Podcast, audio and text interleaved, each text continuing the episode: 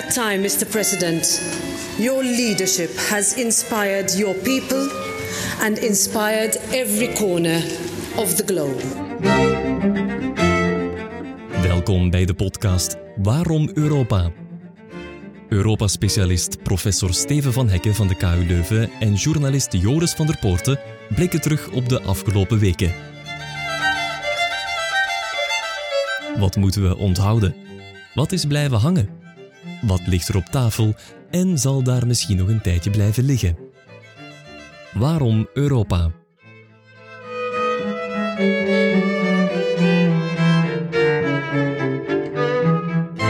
Terugblikken op de maand februari is uiteraard terugblikken op de eerste trieste verjaardag van de oorlog in Oekraïne. Het was een maand met nogal wat bezoeken heen en weer. Brussel naar Kiev, Kiev naar Brussel. We hoorden in het begin Europees parlementsvoorzitter Metsola tegen Zelensky. In Brussel is de economische balans opgemaakt van de gevolgen voor Europa, terwijl de Europese leiders zich ook hebben gebogen over het migratievraagstuk.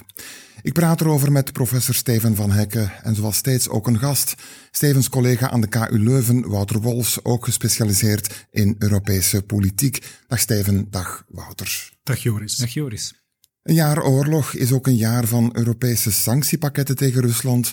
Commissievoorzitter von der Leyen heeft er afgelopen maand nog maar één gepresenteerd.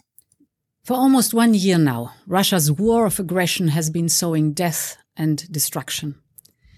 Putin is not only waging a brutal war on the battlefield, but he is also viciously targeting civilians. And the aggressor has to pay for this. Today, we're turning up the pressure with a 10th package of sanctions. First, we propose further export bans worth more than 11 billion euros to deprive the Russian economy of critical technology and industrial goods. Ja, sancties ter waarde van 11 miljard euro. En ze gingen nog even door. Maatregelen tegen mediaorganisaties en banken. Exportbeperkingen op elektronica die bruikbaar is in wapensystemen. En ook sancties richting Iran dat drones levert aan Rusland. Steven, we hoorden afgelopen maand ook berichten over de manier waarop die sancties worden omzeild, onder meer via derde landen. Is nu dweilen met een open kraan of toch niet? Het laaghangend fruit is natuurlijk al lang geplukt na negen pakketten. Dus de eenvoudige sanctiepakketten zijn al achter de rug. Er is tegelijk geen algemeen economische boycott en ook niet iedereen doet mee.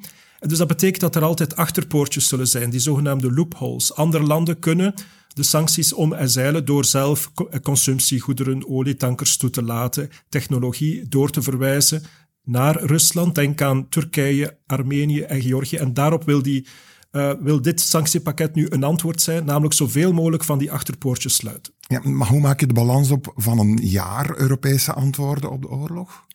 Als we met enige afstand kijken, dan denk ik dat het Westen, en met name de Europese Unie, hier sterker uitkomt maar dat ze ook meer geïsoleerd is ten aanzien van de rest van de wereld. Ik denk dat wij een, altijd een zeer aantrekkelijk model hebben. Denk aan de wil van Oekraïne om toe te treden. Denk aan dissidenten elders in de wereld die opkijken naar de Europese Unie. Maar dat het een illusie is te denken dat dat ook door de rest van de wereld zo wordt gedeeld. Dus we zijn sterker, meer verenigd, maar ook meer geïsoleerd. Eigenlijk heeft de oorlog een tendens versterkt die al bezig was en een definitief pad naar zogenaamde deglobalisering ingezet we zijn een sterk blok, maar meer eenzaam in de rest van de wereld. Wat is jouw balans, Wouter? Ik heb er ook een beetje een dubbel gevoel bij. Langs de ene kant is er veel kritiek dat er relatief traag is opgetreden. Wapenleveringen die eerst onmogelijk bleken, pas na enige tijd uh, mogelijk. Nu op zich vind ik dat ook niet onlogisch, hè, maar dat vaak ook te maken heeft met de publieke opinie. Er is bijvoorbeeld veel kritiek geweest op Duitsland. Maar een belangrijk deel van de Duitse bevolking en de Duitse politieke klasse was terughoudend in, in die verregaande wapenleveringen aan Oekraïne. Heeft ook een deel met de geschiedenis van Duitsland te maken natuurlijk. Hè. Dus ik vind dat ook wel normaal dat dat onderdeel is van een, van een breed maatschappelijk debat. Dat heeft wat tijd nodig. Denk ook aan het verleden. Hè. De Verenigde Staten in de Tweede Wereldoorlog zijn ook pas een jaar nadat Duitsland Polen is binnengevallen begonnen met verregaande materiële steun en pas nog een jaar later rechtstreeks militair betrokken. Dus die dingen hebben tijd nodig. Maar langs de andere kant, intern, zie je toch dat de inspanningen die geleverd zijn op Europees niveau en de houding die is ingenomen, ongezien is. De sanctiepakketten die zijn afgekondigd tegenover Rusland, de politieke steun die voor uh, Oekraïne is, uh, is uitgesproken, de kandidaat lidmaatschap, de militaire steun. Dus je ziet toch wel echt ook een geopolitieke volwassenwording van de Europese Unie. Je zegt steun. Nu wat dat betreft, er zijn in februari wel wat steunbezoeken afgelegd. Hè. Het meest opvallende misschien, Joe Biden ging naar Kiev, iets wat de Europese Commissie ook heeft gedaan, terwijl Zelensky op zijn beurt Brussel heeft bezocht om te praten met de Europese leiders en om het Europees Parlement toe te spreken. The President of Ukraine, His Excellency Volodymyr Zelensky. Європа завжди залишатиметься вільною, поки ми разом і поки ми дбаємо про нашу Європу, дбаємо про European way of life. Europa zal vrij zijn, zegt Zelensky, zolang we samen zijn, zolang we om Europa geven en geven om de European Way of Life. Heeft hij in Brussel indruk gemaakt, Steven? Met een PR-stunt werd hier en daar gezegd. En we hoorden ook die Europarlementsleden echt juichen alsof het een rockster was hier was. Ja, het was een PR-stunt en het was bovendien een geslaagde PR-stunt, want is erin, is erin geslaagd om de aandacht naar zich toe te trekken. Ik denk dat dat ook de reden van zijn missie was. De grote schrik van Zelensky is dat de steun uh, aan de oorlog in Europa zou afbrokkelen. En heeft iedereen natuurlijk nog eens uh, ja, gezegd waar het op uh, staat. Het viel ook op dat zijn toespraak in het Europees Parlement geen boodschappenlijstje was, maar eerder een oproep aan de burgers van de Europese Unie in de hoop opnieuw steun en aandacht te vragen, met name dat hij erop rekent dat Europa op militair en financieel vlak de zaken Oekraïne blijft steunen. Hij heeft ook de Europese staatshoofden en regeringsleiders ontmoet die in Brussel waren op dat moment voor een vergadering van de Europese Raad. Opvallend, iedereen applaudisseerde, met uitzondering van de Hongaarse premier Orbán. Raakt die geïsoleerd binnen de Europese club? Het is een van de opmerkelijkste gevolgen intern dan voor de Europese Unie van de oorlog in Oekraïne. Met name dat de landen in Centraal- en Oost-Europa uit elkaar zijn gespeeld, toch vanuit West-Europees standpunt. Vroeger dachten we altijd dat Polen en Hongarije onder één dak speelden. Uh, dat de Visegrad-landen een bedreiging waren, terwijl ze nu uit elkaar liggen omwille van de houding ten aanzien van Moskou. En daar is inderdaad Orbán de stoorzender.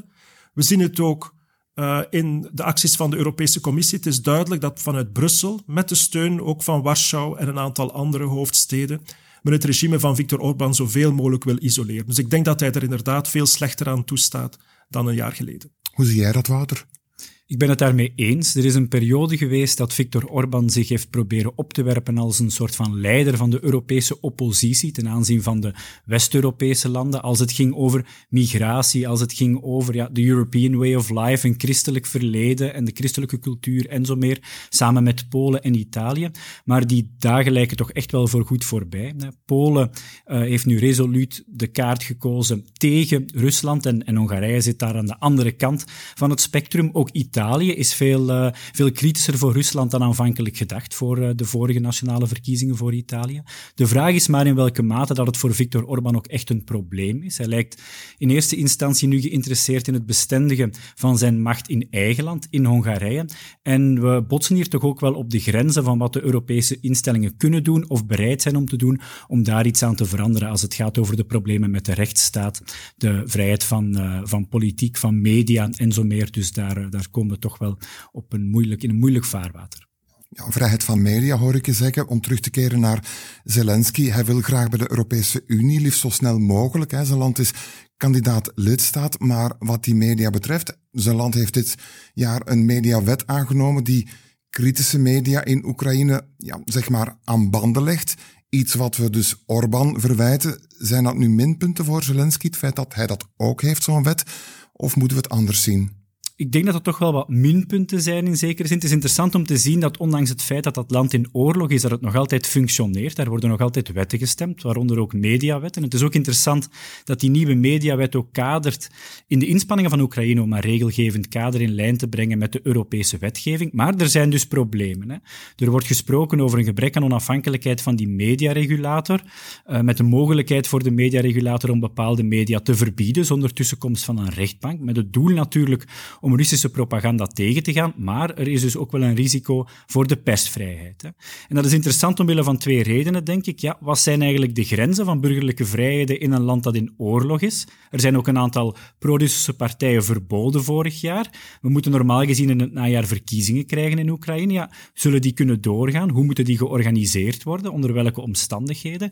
En het is ook interessant dat een gelijkaardige discussie nu ook op Europees niveau wordt gevoerd. Ook daar wordt gedacht aan een nieuwe wet maar ook daar zijn discussies over ja, in welke mate dat een Europese mediaregulator onafhankelijk moet zijn ook van de Europese Commissie bijvoorbeeld. Dus je ziet daar ook gelijkaardige debatten.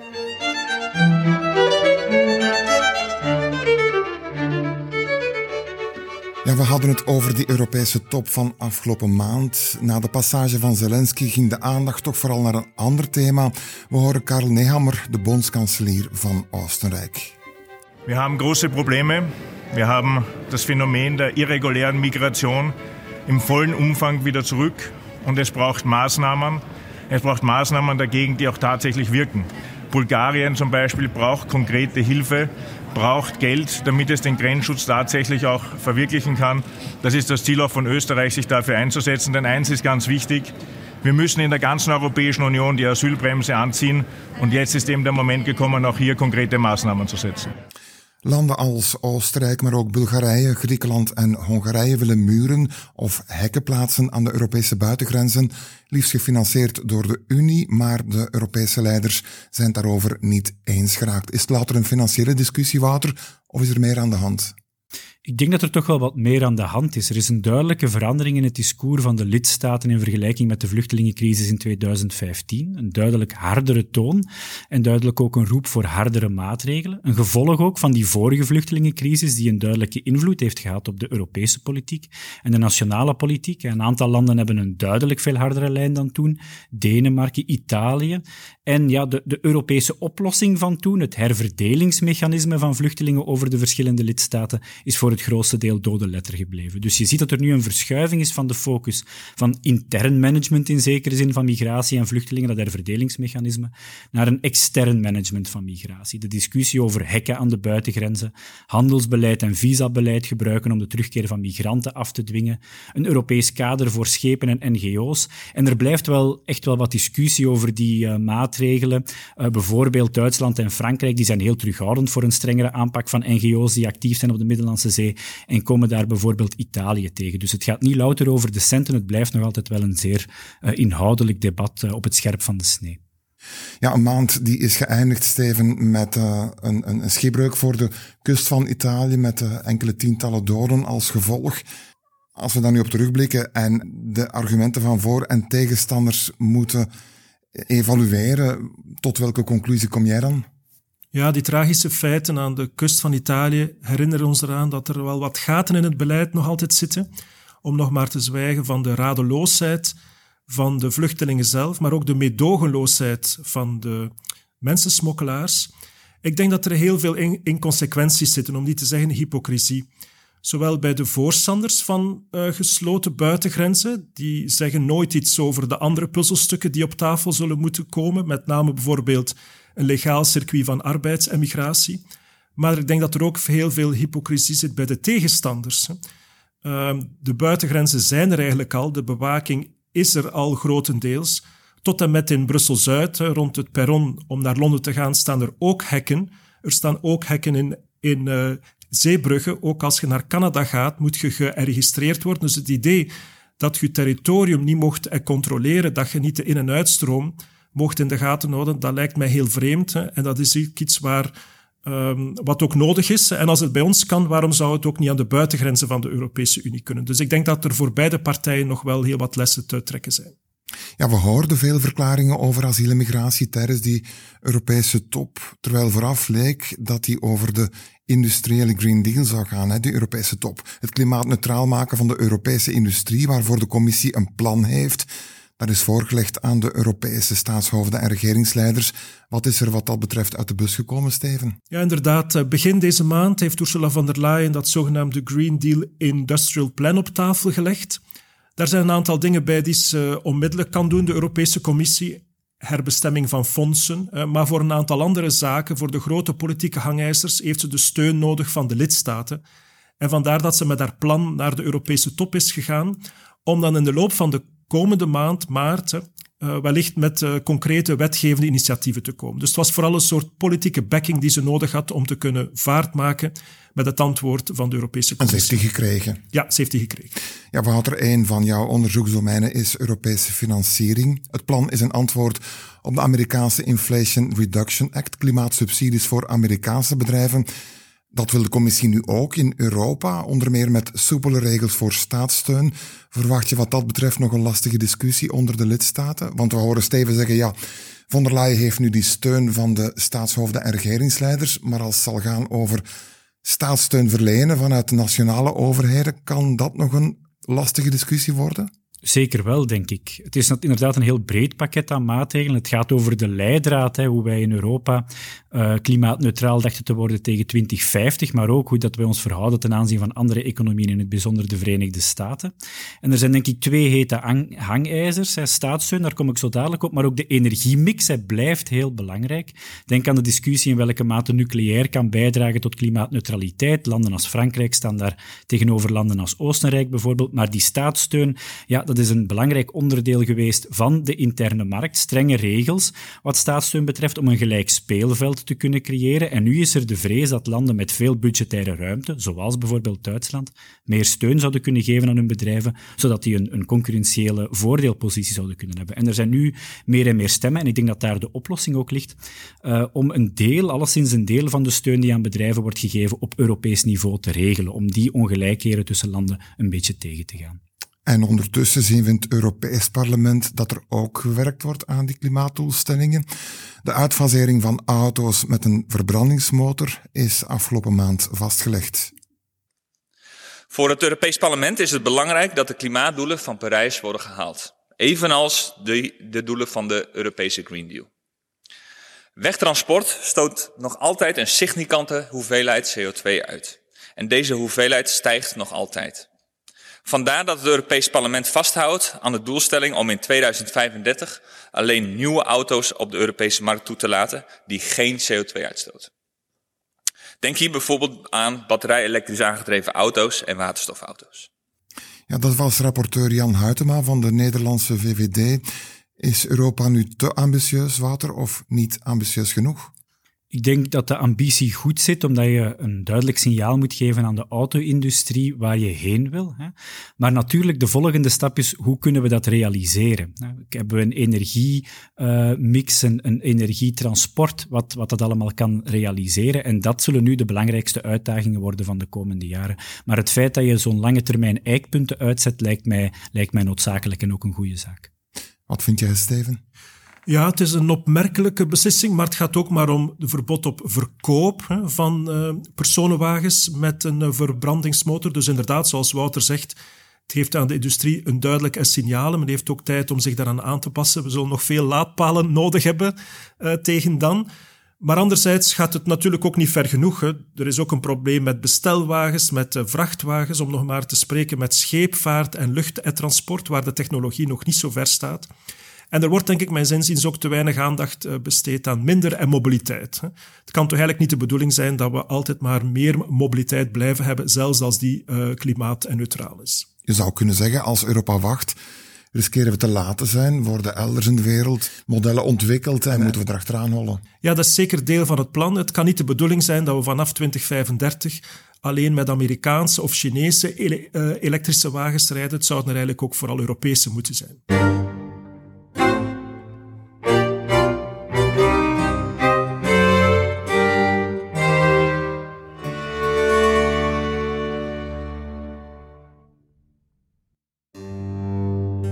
Te keren naar het begin van ons gesprek, één jaar oorlog in Oekraïne. In het licht van het menselijke leed daar is het uiteraard van een andere orde. Maar ook de rest van Europa is getroffen. Economisch dan, hoge inflatie, lagere groei, hoewel een technische recessie is vermeden, zei commissaris voor Economie Paolo Gentiloni afgelopen maand. The EU economy showed remarkable strength last year.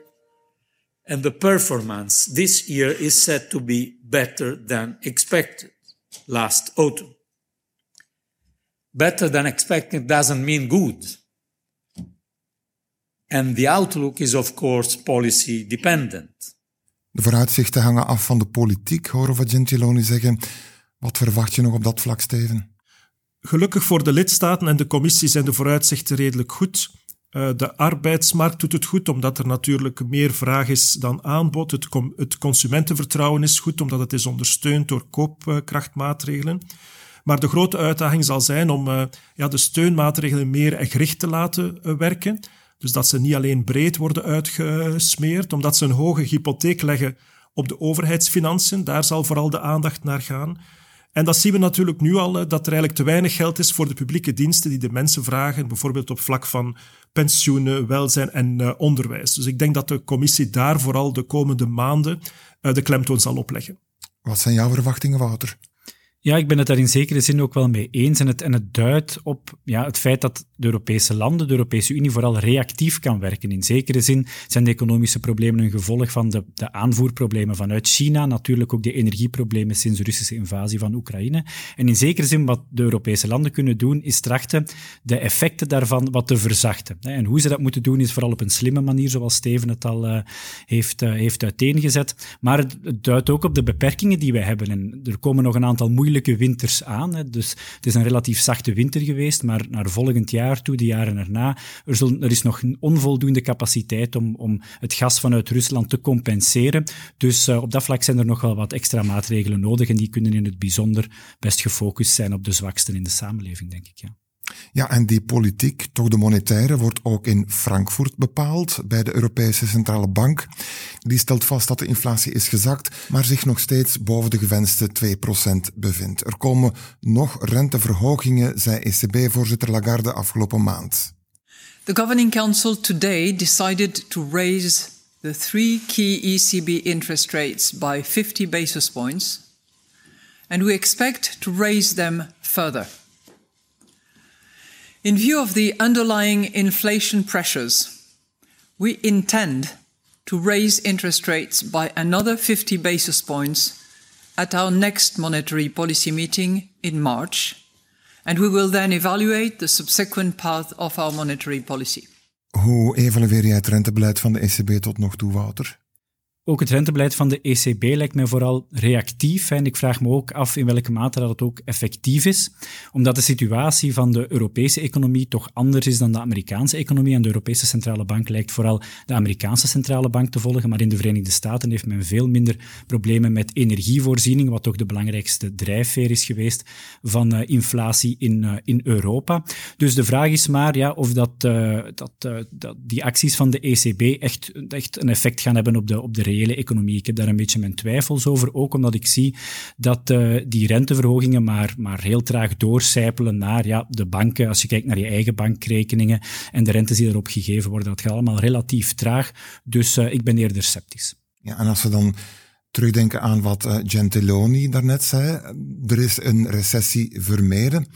Gelukkig maar, zou je kunnen zeggen. Anders zou de ECB misschien nog wel het verwijt krijgen dat ze de recessie in de hand heeft gewerkt door de rente op te trekken. Ja, dat klopt. Er zijn een aantal indicatoren die echte meevallers zijn. En inderdaad, mocht de economie niet opnieuw aantrekken, dan zou de ECB het verwijt krijgen dat ze door de renteverhogingen het economisch herstel fnuikt. Dat is voorlopig niet het geval. Dus in die zin komt Lagarde hier heel goed weg, denk ik. Oké, bedankt voor dit gesprek.